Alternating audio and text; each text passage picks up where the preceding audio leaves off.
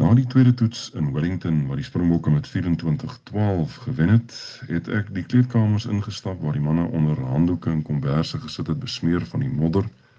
Ook die Oosthuizen het nog bloed in sy gesig gehad. Hulle kon nie stort omdat daar nie warm water was nie. En toe wyn ontlaas en gesê skakel aan jou bandmasjien. En dit het min of meer so geklink. Right.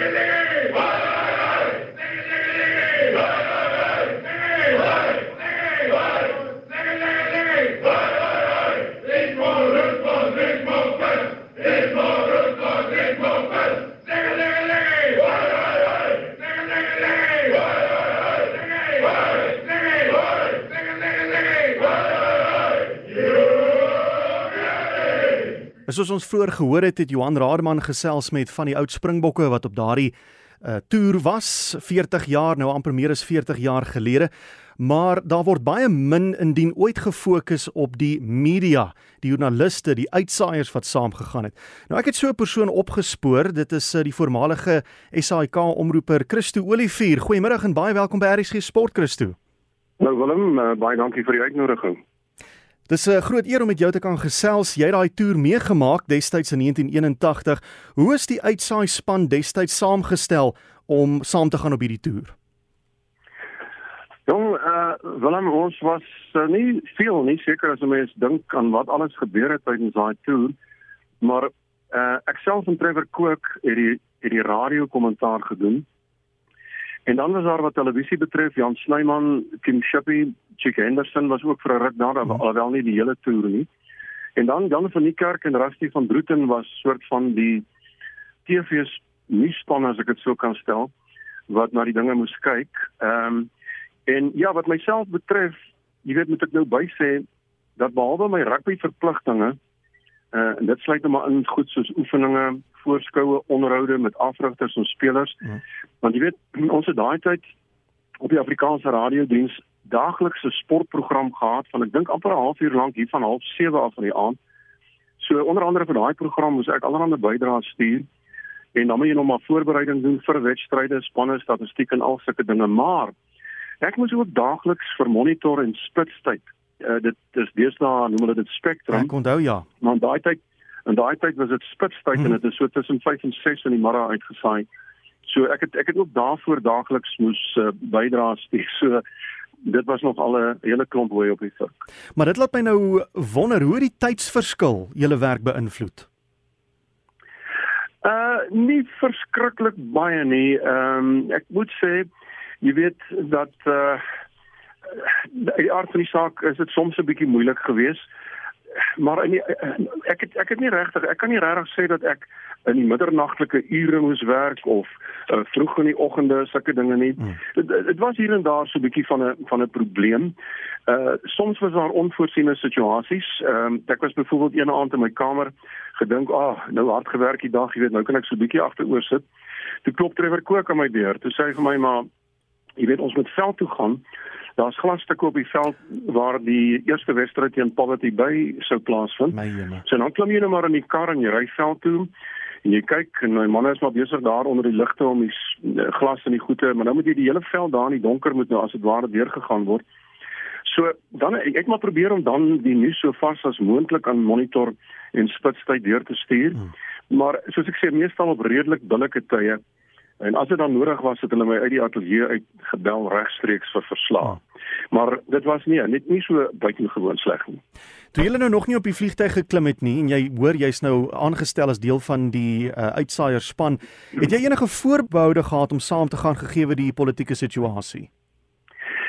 Nee, wat nie regtig nie, Willem. Ek ek moet eerlik wees, jy weet en jy's ook in hierdie uitsaai bedryf vir mense te werk om te doen en jy gaan doen dit na die beste van jou vermoë. Niemand van ons keer alles goed wat in jou eie of in 'n ander land plaasvind nie.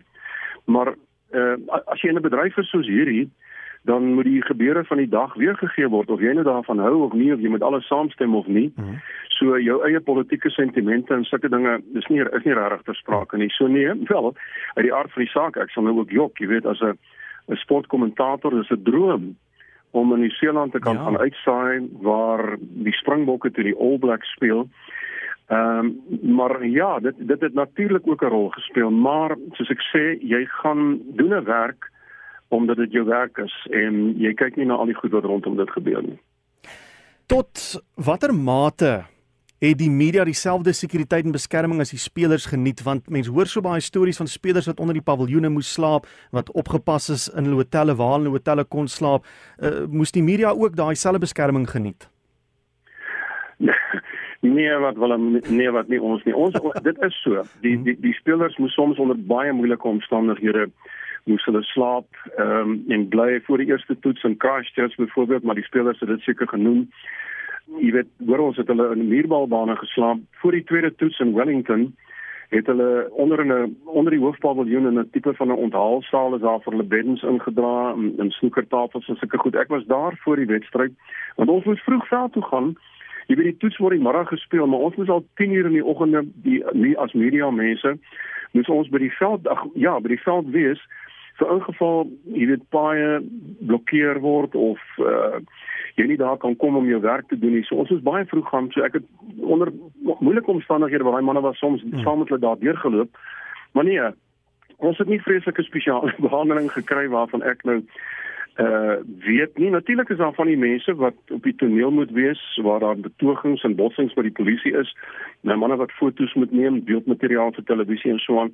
Maar nee ons is nie ons is nie voltyds opgepas nie. En ek moet ook sê die springbokke is dan ook nie 24 uur op 'n dag opgepas nie. Jy weet ek het byvoorbeeld een sonoggend het ek saam met 'n paar van die spelers uh, 'n kerkdiens gaan bywoon en ons het sommer gestap soontoe in gewone klere en daar was net polisie manne wat nou eers moes kyk dat hierdie 4 of 5 ouens en ek nou veilig by die kerk kom en weer terug nie. Hmm. Daar was wel situasies gewees ook jy weet soos met daai wedstryd in Wellington agtermiste in Hamilton wat afgelas is ja. in Waikato waar ons letterlik tussen die skare gesit het en toe die aankondiging kom dat die wedstryd afgelas is, het die toeskouers ons met alles denkbaar wat hulle in die hande kon kry begin gooi en en bestook onder andere leë dalk ook vol bier en koeldrank blikkies en sulke dinge. Iemand soos Herman Leroux het sy tikmasjien nog opgetel om hom te probeer beskerm teen hierdie nee, goed nee. wat hy aangevoer. Jy weet in daai tyd het die ouens nog tikmasjiene ja. gehad, né? Nee, nie nie uh, allerhande moderne uh, goed toerusting nie.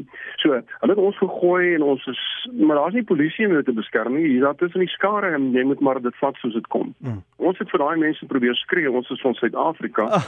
Ons is nie deel van die plaaslike media nie, want hulle het gesê dis die plaaslike media wat al hierdie betogings en politieke inmengery aanblaas. Dis waarom ons hulle so gereageer het, jy weet, maar nee, ons het nie regtig vreeslike beskerming gehad nie.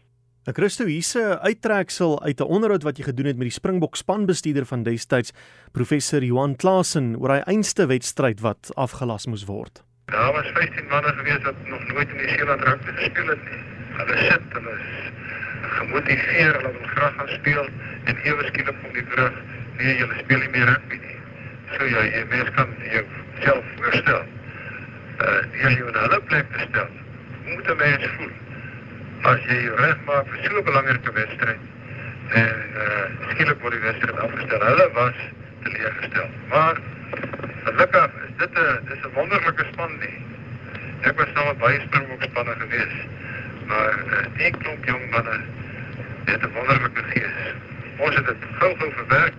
Sommige nog daar in die kleedkamer terug gegaan hotel toe, lekker saam gesing en uh saam met die Waikato span die aand weer gebring en uh Isak kon nie beter gewerk gewees het nie.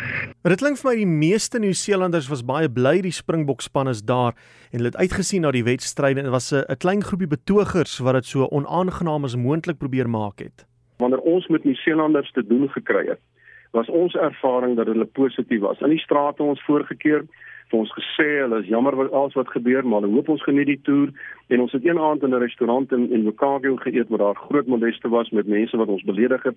En 'n ou het na ons toe gekom en ons gesê kom hier teen 11:00 die aand kom na my plaas toe. Ek wil vir julle daar 'n bietjie trakteer net om te sê mm. jammer ons is ook uh hier in, in New Zealand gasvrye mense. Ek was bietjie bang geweest 11 uur in die aand na 'n oudste plaas wat jy nie eens ken nie. Maar Herman Leroux en Jan Snyman was baie dapper. Hulle het gesê kom ons gaan en die ouens vir ons baie goed. So oor die algemeen die mense was baie positief. Kom ons praat vinnig oor die vergete toets. Daar in Amerika wat so inderhaas in die geheim beplan en gespeel is, was daar voldoende uitsaai geriewe want daar was ook net net palle gewees en net net lyne getrek. Nou, wil ek is bevrees oor daai toets kan ek vir jou nie veel sê nie. Niemand het geweet van die toets nie. Uh, totdat die spelers na die tyd by die hotel ingestap gekom het. Ons het daar gesit en nie kom die ouens ingestap. Waarom julle vandaan? Hulle het net 'n toets gespeel. Ons het maar ook toe eers gehoor dat dit op 'n poloveld uh was. Uh die spelers moes ons hoor of self die strepe trek, palle plant, lynregters en sommer plaasvervangers wees. Ek weet Ivan Serfontein het gesê Hy sê jong ek al wat ek vir jou kan sê is ons het die eerste helfte opdraand en die tweede helfte afdraand gespeel. So dis al wat ons daarvan weet. Ek weet Herman Leroux het sy storie geskryf op grond van wat Edrich Krans wat in daai toets was vir hom gesê het wie drie gedruk het en wie wat gedoen het. So ek kan jou baie min van daai toets self vertel. Amerika was natuurlik 'n ander storie op sy eie. Vir een van die wedstryde in Chicago is ons aangesê om 6:00 die oggend buite die hotel te wees. Ons is daar in kombies gelaai en toe begin ons heen en weer, ek wil amper sê op so uh die toer deur Chicago geneem. Ons het nie geweet waarheen gaan ons nie. Dit was dit was maar die indruk gekry om as daar moontlik agtervolgers sou wees. Oh. Hulle hulle ons hulle aandag kan probeer aflei. En ja, uiteindelik het ons by 'n soort weermagveld aangekom. Geen paviljoene nie. 'n Paar toeskouers het daar sommer langs die kantlyn gestaan en skree soos by 'n skoolveld. Die veldoppervlakte was ongelyk, amper gelyk op skape daarop kan wy, maar ja, uh ek wil nie te veel daarop uitbrei nie. Amerika was bietjie van 'n ander storie. Nou word gestaan van die man Robert Kankrol wat gaan ingooi. Maak so vlakker oorgestien na die man Sarfontein. Na na met op die kop die tone raak wat maar Dani Gerber na Willie Duplessis. Dan gaan hy finaar. Na gaan die Gerber by sy probeer by sy man verby kom en word as 'n maak met die Bernie Fraser Gerber by die voorlyn kan optrek. Hy gaan op afstand val op trek by die kom.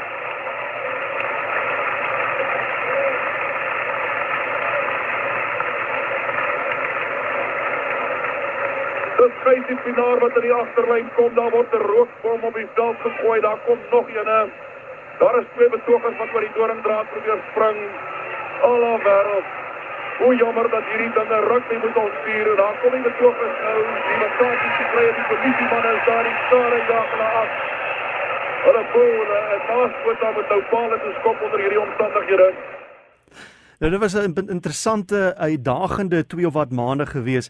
Het jy iets geleer op hierdie toer wat jou die res van jou loopbaan of selfs jou persoonlike lewe tot voordeel was? Ja, van 'n baie beslis. Jy weet hierdie toer onthou nou word gesê is die moeilikste sporttoer ooit in die geskiedenis. Daar was nog nooit so 'n toer soos hierdie nie. En uh, mense het baie geleer. Ek ek het onder andere geleer, ek het baie geleer onder andere om onder druk te kan werk jy weet situasies was nie altyd normaal nie. By sommige van hierdie velde was daar geen kommentaar hokkies nie. Hmm. Uh, 'n Nuwe Plymouth byvoorbeeld het ons in die wedstryd teen Taranaki het ek en Jan Snyman, hy het nie televisie nie daai nag uitgesaai nie en hy hy was uh, beskikbaar so hy het vir my opsommings gedoen. Hmm. Ons het letterlik op die dak van die paviljoen in Nuwe Plymouth gesit by 'n tafeltjie. Niks anders nie, net 'n tafeltjie. En die wind het sit jy daar bo en die wind waai van agteraf jy kry so koud ek het met my hande in my sakke gesit. Gelukkig het ek uh, uh, die oorfone het ook 'n mikrofoon aangehaal so ek kon met my hande in my sakke sit maar nou moet ek ook nog my papiere voor my vashou. So daar was nie altyd kommentaar hokkies nie. En as daar was soos in Invercargill byvoorbeeld in die wedstryd teen Southland was daar so 'n seiltjie gespan maar ook nie veel nie of dit het nie veel gehelp nie want dit het, het ook gereën die dag. Hmm. My man Klaas het dit nog vir my onderhoud agter vir my opsommings gedoen en hy het nog gespot na die tyd en gesê ja nee of tydens die wedstryd jy, het my gevra vir hierdie wedstryd want jy weet ons gaan pap na reën. Ehm um, so dit, dit reën die wind waar daai reën in jou gesig op jou papiere alles is gevlek en um, daar sit jy in die reënpap nat. Ek sê Jy weet situasies is nie normaal nie. Dit is die situasies waaronder jy soms moet werk. Dis van die goed wat ek geleer het jy moet werk met wat jy het. Jy weet ek het 'n ou klein bandmasjienkie gehad. Daar was nie goed so skootrekenaars en sulke dinge nie. En ek het nie redigeer fasiliteite gehad nie. En ek het geleer dat jy maar moet self ondersoek doen. Jy weet dis jou standpunte teenoor ander standpunte. Hmm. Jy moet jou huiswerk baie goed doen, seker maak van jou feite. Jy moet op enige iets voorberei wees. Soos daar by Hamilton, ek het voorberei vir 'n wedstryd van 80 minute. Toe praat ek 'n uur en 'n half oor wat in die Seeland aangaan oor Hamilton, Waikato, die Springbokke se positiewe gesindheid, 300 betogers op die veld, hoe die polisie hulle hanteer, wat alles daar gebeur, 28000 toeskouers wat ongeduldig begin raak. Dit is waaroor ek 'n uur en 'n half lank moes praat. So dit is maar van die goed wat ek geleer het hmm. op hierdie toer.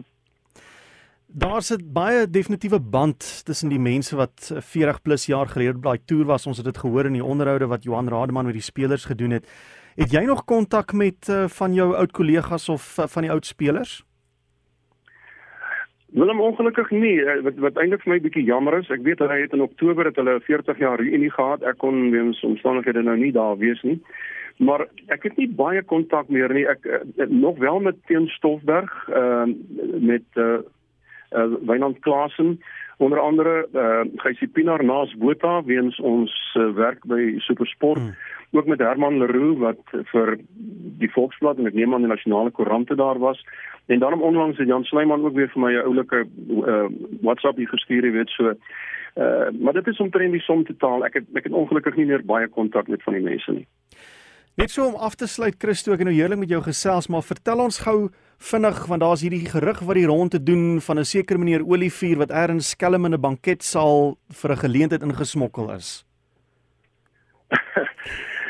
ja, jy weet dit het gebeur toevallig na daai wedstryd teen wat teen Waikato wat wat afgelas is. Hmm toe alles so bietjie tot bedaring kom. Toe klim ek af nou onthou ek moet nou verslag doen vir monitor vir wat ook al en hmm.